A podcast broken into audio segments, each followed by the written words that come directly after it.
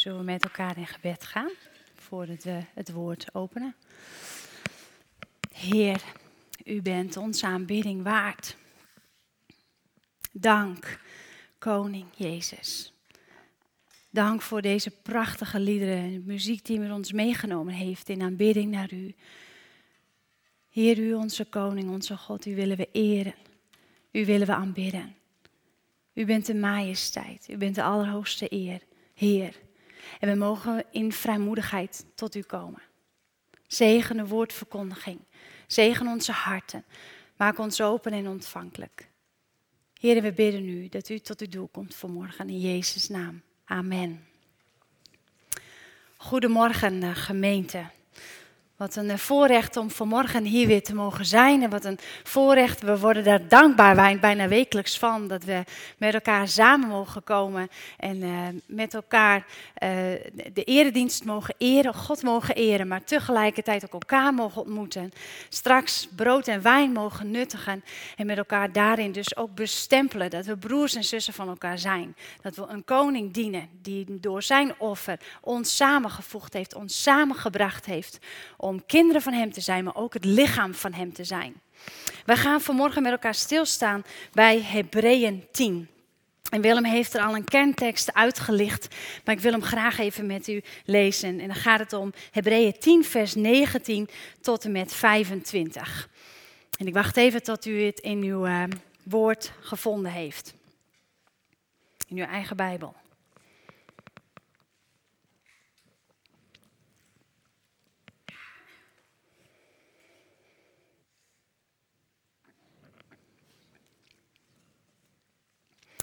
Broers en zussen, begint het mee.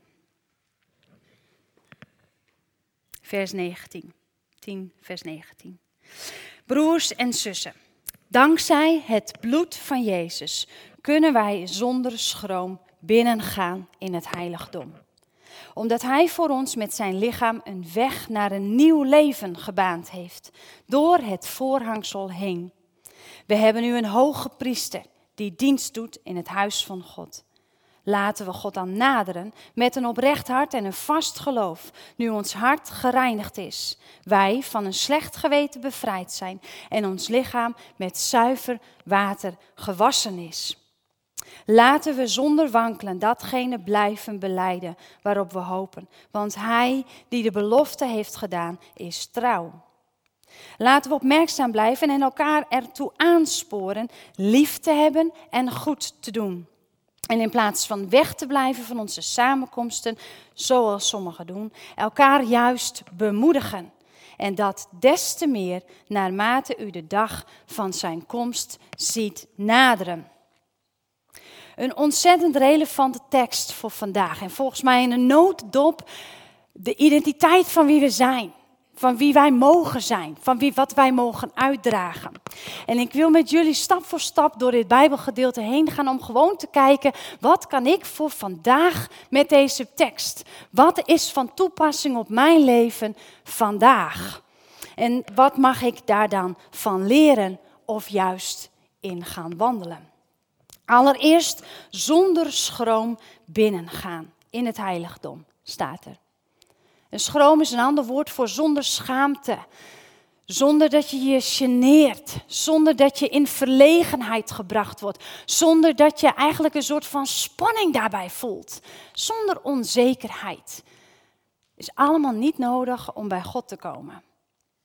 En ik moest daarin even denken aan een voorval van drie jaar terug, waarbij onze oudste zoon uitgenodigd werd om Maxima te ontmoeten. Koningin Maxima. Nou, dat was een happening was een situatie was zo dat er uh, muziek in de klas werd gepromoot.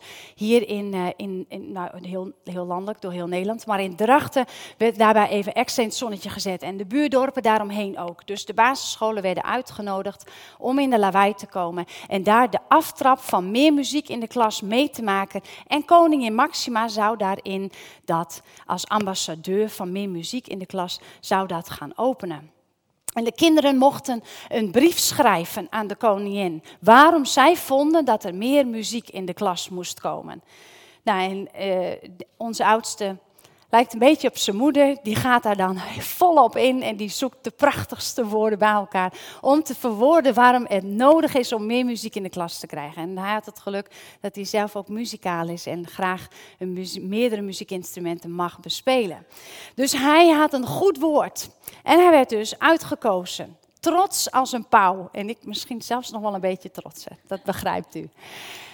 Maar de voorafgaand aan dat bezoek, dat koningin Maxima in de lawaai zou komen en hij zou met haar hand in hand op het podium lopen en ze zouden samen daar staan en het een en ander aan festiviteiten meemaken en dan mochten ze tegelijkertijd op de knop drukken wat een go gaf voor dat project. Voorafgaand moest er natuurlijk gewinkeld worden en we moesten, we moesten naar de kapper en nou, hij natuurlijk, ik mocht er niet bij zijn, maar uh, hij mocht, moest naar de kapper. En we maakten ons klaar voor de ontmoeting met Maxima. Maar er waren ook een aantal dingen die belangrijk waren. Namelijk, met wie heeft zij te maken? Wie komt er dicht bij haar? Dus hij moest zichzelf ook voorstellen en een foto aanleveren. En wij werden ook verzocht om naam en gegevens achter te laten en een handtekening te plaatsen voor het feit dat hij in aanraking naar dicht bij haar zou komen, et cetera. Daar ging nog wel wat aan vooraf voordat hij bij haar mocht komen, dichtbij mocht zijn. Die schroom, die schaamte, als het er al niet was omdat het de spanning was, dan werd dat nog wel even zichtbaar in het feit dat je de koningin ging ontmoeten. En jij, u en ik mogen de koning der koningen zonder schaamte, zonder bezoek aan een kapper, zonder nieuwe kleding, zonder het ondertekenen van een formulier, mogen we bij hem komen. Hij nodigt ons uit en zegt, joh, weet je, maak je, niet, maak je niet druk, maak het niet spannend. Het is niet nodig, kom bij mij. Waarom? Dat is niet omdat hij een, op een ander voet leeft dan bijvoorbeeld koningin Maxima. Oh nee, hij is verheven, hij is hoog. Laten we dat voorop stellen. Hij is de God aller goden. Als er al andere goden zijn, er is maar één God. Hij is de koningin der koningen. Hij is de Heere der heren. Maar waarom mogen wij dan zonder schroom, zonder schaamte, zonder gêne of verlegenheid bij hem binnenkomen? Omdat hij door het bloed van hemzelf ons een nieuw leven heeft gegeven. Een nieuw lichaam heeft gegeven. Dankzij het bloed van Jezus begint het allereerste mee. Het bloed van Jezus maakt dat wij het heiligdom binnen kunnen komen. We hebben een nieuw leven ontvangen. Je zit hier niet meer in je oude vlees, je nieuwe leven. Zo zit je hier en zo mag je bij God komen. En dan in de derde plaats, het voorhangsel is weg. Er is geen voorhangsel meer. Er is geen hoge priester die het namens jou, die het namens mij moet gaan oplossen om ervoor te zorgen dat wij niet te dicht bij die koning komen. Dat wij niet te dicht bij God zouden komen. Dan zouden we sterven. Dus een hoge priester was in de eerste plaats nodig. Maar die is er niet meer. Het voorhangsel is gescheurd. En onze hoge priester woont bij God. En iedere dag doet hij die uitnodiging: kom. Nadat we zien dat er staat van kom zonder schroom. Geen vraag voor nodig, wil ik daar aan toevoegen zie veel mensen om me heen die denken, dan moet dit en dit en dit eerst in orde zijn voordat ik bij God mag komen. En ik herken het ook bij mezelf. Als het een tijdje terug is, zeg ik, nou hier ben ik weer, het spijt me, ik was er een tijdje niet. En het is goed om dat uit te spreken. Maar als dat maakt dat je verlegen raakt, ik vraag u dit niet, want ik heb nog iets waarbij ik bij u in het krijt sta, dan mis ik de essentie van deze tekst. Zonder schroom bij God naderen, omdat Hij wil dat wij bij Hem komen. En het staat er drie keer, laten wij. En dat vind ik mooi, want in heel veel zaken gaat het in het woord van God om onze identiteit en om wie we zijn in Christus, wat Hij bewerkstelligd heeft en wat, wat onze nieuwe identiteit is. Maar dan geeft Hij ook een opdracht. En die opdracht leek mij voor vandaag juist zo relevant in deze tijd waarin we nu leven. Want hoe vaak denken we niet, oh wat is nou mijn positie in deze tijd? Wat is nou mijn plek in deze tijd? Waarvan mag ik dan getuigen? Moet ik een standpunt innemen? Moet ik dat dan ook ventileren? Moet ik dan op Facebook allerlei dingen gaan plaatsen? Wat? En dan zegt de Bijbel, hier laten we. Deelde jullie vandaag drie. Dus als je vanmiddag aan de koffie zit, dan weet je, ik heb maar aan drie dingen te voldoen. Laten we naderen. Kom eerst. Kom bij God is de eerste. Laten we beleiden waarop we hopen. En in de derde laten we opmerkzaam blijven. Laten we eerst naar de eerste gaan. Laten we naderen. Dat is een houding. Komen bij God. Niet alleen zonder schroom, weet oké, ik kan zonder schroom, zonder schaamte, maar laat ik ook gaan. Ik moest gisteravond in bed even aan, het, aan dat naderen denken. Ik lag al vroeg op bed. En een van onze kinderen had een Sinterklaasfeest met vrienden georganiseerd en hij was te laat thuis. Dus uh, hij zou tien uur thuis zijn en het was inmiddels al kwart voor elf. Dus we waren al aan het bellen en aan het appen. En nou, hij is veertien, dus dat, dat voelde niet heel prettig. En um, uh, we waren niet boos of zo, maar wel van, joh, waar blijf je nou? En hij op een gegeven moment uh, belde hij, ja, ik ben onderweg en je hebt niet genoeg, jij hebt niet gezegd hoe laat ik thuis moest zijn. Zo prachtig en uh, mooi hoe dat dan gaat. Maar, uh, maar ik zei, nou prima, ik ga wel vast op bed, maar ik wil wel dat je bij mij komt. Ik wil, ik wil horen en ik wil niet op het matje van, hé, hey, hoe zit het met die tijd? Ik wil weten hoe je Sinterklaasfeest was. En ik lag in bed en je begrijpt het vanmorgen vroeg, dus ik wilde ook op tijd wel slapen. Dus ik lag in bed bijna een beetje zo van, doe nou even, kom nou even. Ik hoor dat je al beneden bent Zit je misschien op je telefoon? Jullie herkennen dat, ouders met pubers herkennen dat misschien. Kom nou naar boven. Ik wil het verhaal horen. Ik wil zien wat je gekregen hebt, wat je beleefd hebt. En ik voelde eigenlijk een soort van excitement dat hij toen hij de trap opkwam vanuit, oh hij is er. Maar ook van, hij gaat even vertellen hoe hij het gehad heeft. En nou, je begrijpt dat vijf jongens die met elkaar Sinterklaasfeest vierden, daar zijn geen normale cadeautjes uitgedeeld. Ze hadden meidendingen aan elkaar gegeven. En de gedichten gingen ook over alleen maar meiden. Dus dat was ontzettend grappig. Dus ik keek er ook echt naar uit. Want ik dacht, ik weet ook wat hij voor die anderen die hij, waar hij het loodje van getrokken heeft, wat hij gekocht heeft. En even een reactie horen en het gedicht horen, et cetera. Begrijpt u hoe die excitement kan zijn, hoe het verlangen kan zijn wanneer er iemand thuis komt denkt, oh, wil je horen hoe het geweest is? Begrijpt u dat God dat dagelijks heeft? Elk moment van de dag. komt hij bij me? Komt hij bij me? Gaat hij vertellen wat hij beleefd heeft, wat hij gedaan heeft? Naderen naar Gods slaapkamer en dan die deur open doen. En God vertellen hoe de dag geweest is. God, vertel, ik ga vandaag dit doen. Dit is wat ik aan gedicht geschreven heb. Dit is wat ik aan surprise gemaakt heb. En dat God meegeniet.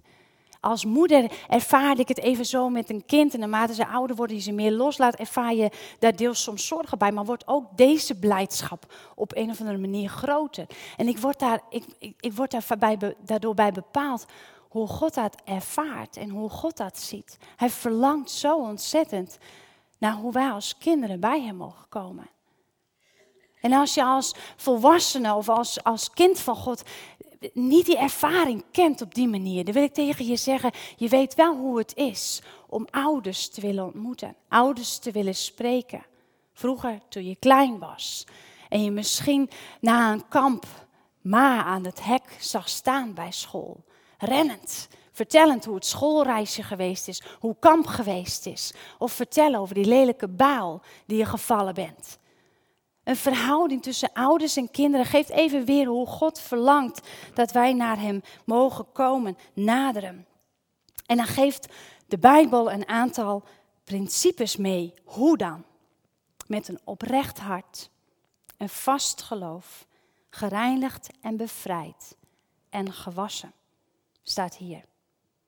Laten we God dan naderen met een oprecht hart, een vast geloof, nu ons hart gereinigd is. Dat is niet een staat van zijn die je eerst nog ergens moet creëren. Die was er al, toch?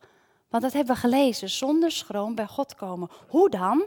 Omdat Hij door het bloed van Jezus ons die mogelijkheid gegeven heeft. Dus dat komen met een rein hart en dat komen met een vast geloof en dat komen in de wetenschap, ik ben vrij van elke schuld is in de eerste plaats daarvoor al gebeurd. Door het bloed van Jezus, door het nieuw leven dat je ontvangen hebt en door het gebroken voorhangsel, de hoge priester die in de hemel voor jou pleit en voor jou namens jou spreekt. We mogen naderen omdat we gewassen zijn en omdat we gereinigd zijn en omdat wij kinderen van God zijn. En dan komt het tweede laten we. Blijven beleiden waarop wij hopen. En dat vraagt iets van jou. Want dat vraagt na te denken, welke hoop leeft er dan in mij? Ik wil lezen uit 1 Petrus 3, vers 13, waar heel mooi beschreven wordt hoe die hoop in ons is. 1 Petrus 3, vers 13 staat, en is misschien wel heel erg relevant voor vandaag, omdat die heel erg gaat over het standhouden in de tijden dat we extra uitkijken of misschien wel meer bepaald worden bij het einde van de tijd. De komst van Jezus. Overigens, wie zou u kwaad doen als u zich volledig inzet voor het goede? Maar zelfs al zou u lijden om de gerechtigheid, omwille van de gerechtigheid, dan bent u toch gelukkig te prijzen. Wees daarom niet bang en laat u voor niets in verwarring brengen. Erken Christus als Heer en eer Hem met heel uw hart. Vraagt iemand u waarop u hoopt, waarop de hoop die in u leeft gebaseerd is? Wees dan steeds bereid om dat te beantwoorden. Dus als laatste er. Erken Christus als Heer en eer Hem met heel uw hart. Vraagt iemand u waarop de hoop die in u is gebaseerd is? Wees dan steeds bereid te antwoorden. En dan is de vraag voor jou en mij vanmorgen: wat is die hoop? Waar hoop je op? Als iemand jou vraagt, midden in deze pandemie, ik zie geen angst bij je, waar hoop je op? Waar verlang je naar? Waar kijk jij naar uit? Welke verwachting heb je? En hopen niet als in, ik hoop dat er vanmiddag in die er nog Sinterklaas gevierd wordt, of er wordt nog met elkaar lekker gegourmet of feest dat er niet een hoop is van, ik heb dat gevraagd, misschien zou ik dat krijgen, daar hoop ik op. Nee, hopen als in, daar kijk ik naar uit, want ik weet dat het gaat komen. De hoop die voor ons ligt, is zijn wederkomst en het herenigd zijn met hem voor eeuwig. Het kunnen prijzen in zijn tegenwoordigheid, wie hij is. Ik wilde toch eens even, ik wilde toch in stilte met jullie gaan bekijken. Een beetje spannend, maar laten we stil zijn en laten we ons hart onderzoeken. Welke hoop leeft er in me? En probeer dan eens even een voorstelling te maken dat je van de week iemand treft die je mag vertellen wat jouw hoop is. Zullen we dat doen? Het is misschien een beetje gek, zo midden in de preek, maar laten we de stilte zoeken. En dus bij onszelf onderzoeken, waar, hoe geef ik die hoop woorden? Wat doe ik dan? Hoe ziet dat eruit?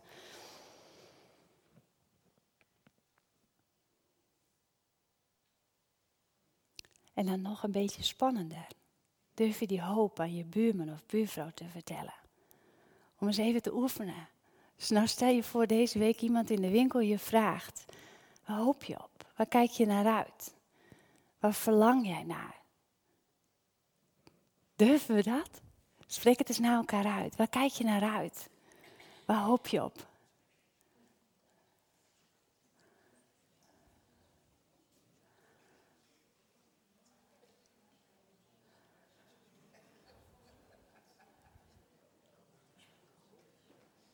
Die spoedig komt. Amen. Ja. Hem zien. Ja. Wat is het goed om elkaar daarin te bevragen? Want nu is het niet, ja, nu is het een beetje vreemd misschien, maar het is niet zo spannend. Veel van jullie zijn als echtparen of als stellen zitten hier naast elkaar, of ouders met kinderen. Het is goed om in een vertrouwde setting te oefenen hoe straks zo'n gesprek zal gaan als je op je werk gevraagd wordt. En met name nu wordt ons zoveel gevraagd. En wat is er dan, zoals in 1 Petrus 3, wat is dat een gelegenheid? Mocht je daarna gevraagd worden, laat dan geen kans onbenut om te getuigen en te vertellen waar je op hoopt. De derde is laten we opmerkzaam zijn. En die derde die gaat ook wat uitgebreider, want die, gaat ook iets, die zegt ook iets over de samenkomst. Die zegt namelijk ook iets over het wegblijven bij de samenkomst. Nou, we, we kunnen elkaar nu niet zoveel verwijten als we wegblijven. Hè? We hebben al zo'n anderhalf jaar met regelmaat. Uh, is het ons zelfs opgelegd om elkaar op een andere creatieve manier te zien. Maar dit gaat natuurlijk over heel iets anders. Dat heeft soms met een kritische geest te maken. Dat heeft soms met teleurstelling te maken. Dat heeft met pijn te maken die we elkaar aandoen. En dan maar wegblijven. Maar laten we elkaar juist aanmoedigen. Opmerkzaam blijven. En hij noemt hier drie dingen. En ik zeg hij, de schrijver van Hebreeën. We nemen maar aan dat het Paulus was. Maar dat weten we eigenlijk helemaal niet eens zeker. Laten we opmerkzaam blijven en elkaar aansporen. Eén, lief te hebben. Twee, goed te doen. En drie, elkaar te bemoedigen. Dus dit zijn de zaken waar we met ons mee bezig kunnen houden. Dus als we ons afvragen, welk standpunt zou ik moeten innemen in deze pandemie? Opdracht is liefhebben. Heb lief. Doe goed en bemoedig elkaar. Je hoeft geen standpunt in te nemen. Liefhebben is niet gelijk krijgen. Liefhebben is ook niet een mening vormen. Liefhebben is ook niet gaan lezen of de overheid wel de juiste of de niet juiste beslissingen zou nemen. Liefhebben is liefhebben. Je hebt een andere mening, maar ik hou nog steeds van je. Of een andere, ik weet niet eens, ik weet niet eens misschien wat mijn mening is, maar je hebt een mening die mij tot denken aanzet. Je hebt ook een mening misschien die mij ergens onrust bezorgt. Kun je erover vertellen, maar misschien kan ik je bemoedigen, want ik heb een hoop die in mij is. En als ik de kans zie, dan, dan vertel ik je er graag over. Dus de mogelijkheid om met mensen in gesprek te gaan is niet alleen maar om te onderzoeken waar liggen meningen en waar liggen de verschillen en hoe kan ik dan gelijk krijgen of hoe kan ik misschien die overheid gaan proberen te honen. Nee, heb lief en doe goed. Dat is de tweede. Dan wil ik je weer een uitdaging geven. Ik ga je nu niet aan het werk zetten, maar zometeen thuis wel. Het is decembermaand. Kan je iets goeds doen? Suikerbroden uitdelen in de buurt of kerstbroden. Je kerstpakket weggeven. Is er een mogelijkheid misschien om een leuke kerstattentie in de hele buurt uit te delen? Mooi boek te kopen of een, een, een mooie attentie te kopen. Even reclame, sinds kort een prachtige vernieuwde evangelische boekwinkel. Kijk daar eens. En is het mogelijkheid om een presentje daar te kopen en op die manier andere mensen te bemoedigen, goed te doen. Je aan te melden voor een actie die er misschien uitgezet wordt. En natuurlijk, zullen die acties maar heel minimaal zijn, misschien wel alle maatregelen. Maar goed doen in de buurt. Denk eens over na. Kan je iets uithalen?